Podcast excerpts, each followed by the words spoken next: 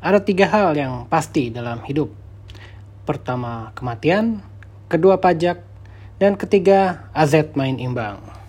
Lagi-lagi itu yang terjadi pada spill ronde 6 Eredivisie pekan lalu. Lagi-lagi AZ harus um, bermain imbang meskipun dua kali sempat unggul tetapi harus puas bermain dua sama melawan tuan rumah Ado Den Haag dan ini menjadi hasil uh, kelima beruntun hasil imbang kelima beruntun AZ uh, di musim ini. Jadi jangan bingung ya, spill rondenya memang 6 tapi AZ memang baru bermain 5 kali karena satu pertandingan di spill ronde 1 lawan Utrecht waktu itu di uh, di postpone karena AZ mau tanding di kualifikasi Liga Champions. Jadi di pertandingan kali ini sekaligus menjadi pertandingan terakhir spill ronde 6 ini AZ sempat unggul lebih dahulu melalui uh, Gudmundsson, tetapi disamakan oleh Van Ewijk. Kemudian unggul lagi di menit 66 oleh uh, Carlson, tetapi 3 menit menjelang bubaran disamakan lagi oleh Michel Kramer, ex striker Feyenoord ya, yang sekarang balik lagi ke Ado. Dan uh, ini mungkin membingungkan ya karena AZ waktu bertanding di markas Napoli di Liga Eropa di partai pertama mereka hari Kamis malah menang 1-0. Tetapi entah kenapa dengan pemain dengan materi pemain yang kurang lebih sama hanya ada satu pergantian yaitu Gudmundsson sekali ini dimainkan sebagai false nine tapi AZ tidak bisa meraih kemenangan pertamanya di Eredivisie dan ya mungkin ada masalah di kebugaran pemain juga ya karena harus uh, bertanding dalam rentang waktu yang berdekatan. Apalagi di pekan ini Liga Eropa juga kembali uh, berputar di match day keduanya. Dan ditambah lagi dengan kendala COVID-19 yang melanda sejumlah pemain inti uh, AZ. Nah, itu AZ sekilas tentang AZ hasil imbang lainnya juga didapat oleh uh, Feyenoord ya. Lagi-lagi imbang walaupun sekarang walaupun Feyenoord di musim ini belum pernah kalah. Enam kali bertanding tiga kali menang tiga kali imbang.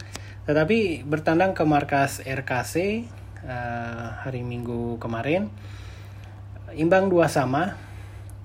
Malah sebenarnya tertinggal dua kali uh, dari tuan rumah Babak pertama berakhir sama kuat 0-0, kemudian um, RKC berhasil unggul lebih dahulu melalui Cyril Ngongge berkat asis dari Furnon Anita.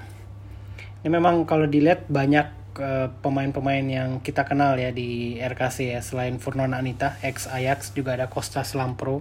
Pernah memperkuat Feyenoord juga walaupun menjadi kiper pelapis ada juga yang mencetak gol kedua RKC pada pertandingan kali ini yaitu Ola John. Ola John ini mungkin ada yang masih ingat? Ya, Ola John ini udah lama ya beredar ya. Mungkin dari awal 2010-an sudah mencuat namanya sebagai salah satu talenta menjanjikan. Waktu itu membela Twente, kemudian uh, pindah ke Benfica, sempat juga mengukir debut untuk tim nasional Belanda dalam uh, usia yang masih muda. Tetapi setelah itu karirnya malah meredup sampai akhirnya um, kontraknya berakhir bersama Benfica lebih banyak dipinjamkan juga oleh Benfica. Uh, kontraknya berakhir 2018, kemudian dipindah ke Vitoria Guimares dan akhirnya mendarat di RKC di awal musim ini. Dan malah berhasil menciptakan gol ya ke gawang Feyenoord.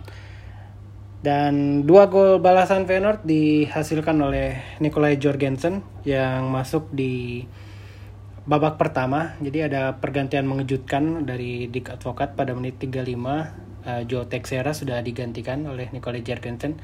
Memang starter dari Feyenoord tidak banyak mengalami perubahan dari 2-3 pertandingan terdahulu dan lagi-lagi pada pertandingan kali ini hmm, tidak ada penyerang murni yang dimainkan advokat di depan. Uh, rupanya mungkin taktik ini nggak berjalan dengan baik sehingga Jorgensen akhirnya dimasukkan di akhir babak uh, pertama. Gol Jorgensen juga sebenarnya agak apa ya?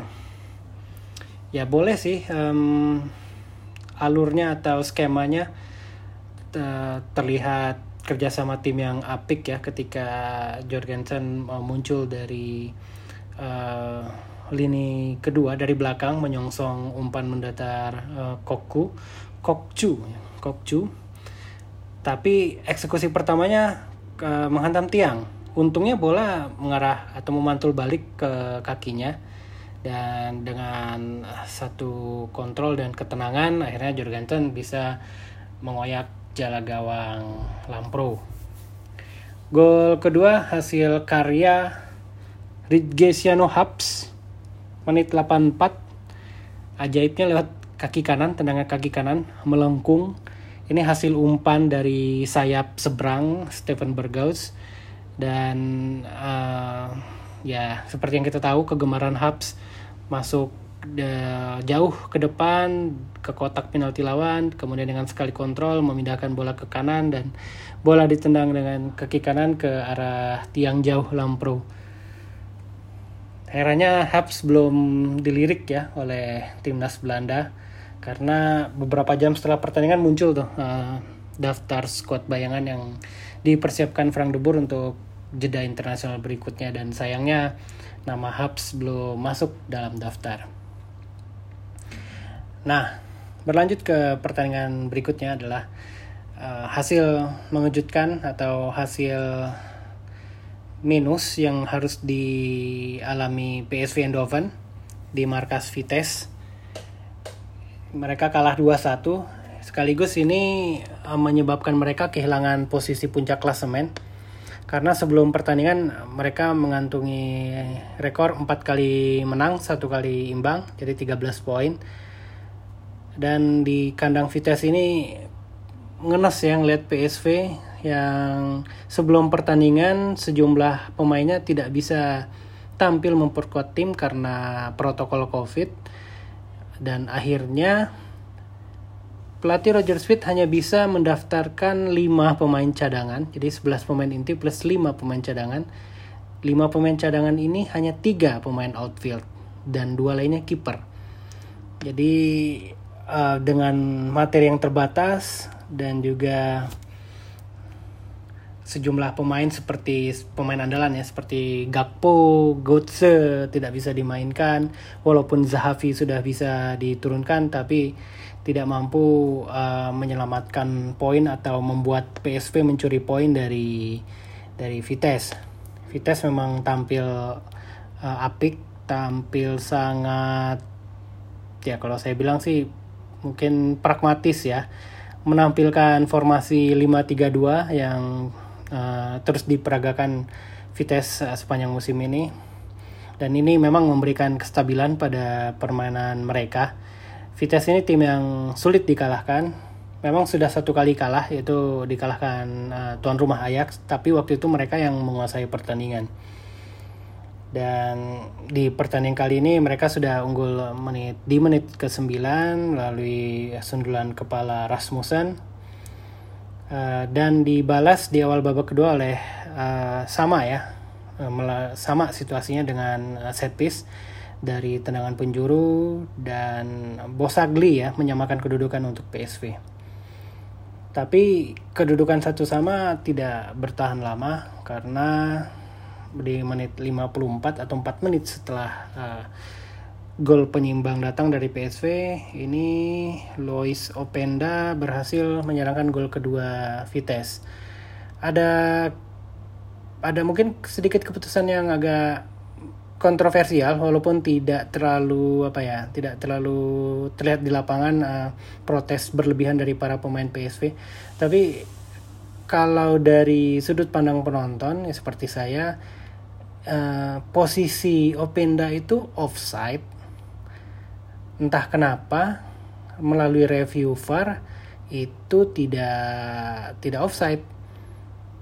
Jadi ya gol tetap disahkan, akhirnya kedudukan tetap sama 2-1. Di akhir pertandingan ada juga um, pelanggaran yang dilakukan oleh back kanan asal Israel Eli Dasa terhadap kapten PSV Jorrit Hendricks di dalam kotak penalti. Dan ini sempat direview oleh VAR tetapi tidak menghasilkan penalti untuk uh, eh, PSV. Dan lagi-lagi kalau saya lihat dari replay dari sudut pandang penonton ya situasinya 50-50 sih. Tapi lebih berat lebih condong ke penalti. Kalau saya jadi wasit sih saya kasih keputusan penalti tapi entah kenapa lagi-lagi review VAR bertolak belakang dengan dengan pandangan saya ya kan? Karena saya juga bukan wasit ya. Anyway ya dan itu tidak diberikan uh, penalti oleh kepada PSV itu terjadi pada menit keempat injury time babak kedua. Jadi skor 2-1 dan PSV berhasil memuncaki klasemen Eredivisie um, bersama Ajax dengan skor yang sama, ah, sorry, dengan poin yang sama, 15 poin 5 kali menang, satu kali kalah. Tetapi eh, Ajax lebih unggul selisih gol. Mau tahu kenapa Ajax lebih unggul selisih gol? Karena ya semua udah tahu sih, udah trending di mana-mana ini. Karena menang 13-0 lawan VVV Venlo. Ini main pingpong atau main bola ya? 13-0. Dan kemenangan besar ini merupakan rekor bagi Ajax uh, karena sebelumnya mereka terakhir itu 12-0 ya kalau nggak salah ya. Dan di pertandingan kali ini uh, Bert kok Bertrand mulu? Lasina Traore menciptakan 5 gol dan 2 assist 8 gol lainnya ini saya harus pelan-pelan nih supaya nggak ada yang ketinggalan. 8 gol lainnya dibagi rata oleh 1 2 3 4 5 6. 6 pemain. Jadi ada 7 pemain Ajax yang mencetak gol pada pertandingan ini. Dua gol disarankan oleh Huntelaar yang masuk sebagai pemain pengganti di ujung babak kedua. Juga Jurgen Eklandkamp Kemudian masing-masing satu gol disumbangkan oleh Deli Blin, Anthony, Dusan Tadic, dan juga Lisandro Martinez. Total selama sepanjang 90 menit pertandingan Ajax melepaskan 45 goal attempts atau upaya tembakan ke arah gawang dengan 23 di antaranya tepat sasaran dengan expected goalsnya yaitu Ajax 7 berbanding Venlo hanya 0,17. Ini benar-benar Ajax mendominasi pertandingan dan kalau dilihat VVV sepanjang pertandingan tidak mampu melepaskan satu tembakan akurat pun. Jadi tidak sekalipun mampu melepaskan tembakan akurat. Eh, dan di babak pertama mereka sudah tertinggal 4-0 keadaan lebih parah setelah kartu merah yang dialami oleh uh, Christian Kum kapten mereka akibat uh, menendang perut Anthony ya. Dan ini menjadi titik balik uh, permainan VVV setelah itu setelah kartu merah itu bermain dengan 10 orang. Uh, mereka sudah kehilangan konsentrasi dan 9 gol tambahan Ajax berhasil diciptakan ini mungkin um, balas dendam Ajax setelah di Liga Champions tampil Memble, lini depannya lesu, dan kalah 1-0 hasil gol bunuh diri Tagliafico. Sekaligus juga bisa memberikan persiapan yang positif untuk menghadapi tuan rumah Atalanta uh, besok malam ya. Lagi-lagi subuh mainnya um, dan dan hasil ini juga mengembalikan Ajax ke puncak klasemen seperti yang sudah kita bahas tadi dengan uh, poin yang sama dikumpulkan dengan Vitesse yaitu 15 poin. Kalau Peter Bos atau mantan pelatih Ajax uh, bereaksi terhadap skor 13-0 itu itu sebenarnya buruk bagi sepak bola Belanda. Hmm, bagaimana menurut kalian? Karena memang hasil ini menunjukkan ketimpangan kekuatan ya yang ada di kompetisi atau di Eredivisie Belanda. Dan secara kebetulan juga 10 tahun yang lalu ada skor besar juga yang terjadi yaitu antara PSV dan Feyenoord. Meskipun duel tersebut merupakan duel antara uh, De Grootdrie tetapi PSV menang besar 10-0 Nah, ya memang sebenarnya timpang sih kalau dilihat dari skor ya. Tapi mungkin Peter Bos juga ya ya harus refleksi juga ya di Bundesliga kan sebenarnya agak timpang juga kekuatan ya. Walaupun skornya tidak telak terus, tidak telak terus-terusan tapi dari tahun ke tahun ya sudah bisa diketahui juaranya siapa itu Bayern Munchen. Dan ya ya ketimpangan ini memang memang terjadi di banyak kompetisi sih. Dan ya mau nggak mau itu memang menjadi mencer atau ya menjadi cermin dari dari sepak bola modern bahwa kekuatan modal itu menentukan hasil juga di lapangan kurang lebih begitu kalau uh, reaksi balasan saya terhadap bos. Dan kita balik lagi ke redivisi untuk ke berikutnya diselang dengan Liga Champions pertandingan Liga Champions seperti Ajax harus bertandang ke markas uh, Atalanta. Kemudian juga sebentar saya cek PSV bertanding di Siprus menghadapi tuan rumah Omonia Nicosia di Liga Eropa Kamis malam. Feyenoord Feyenoord.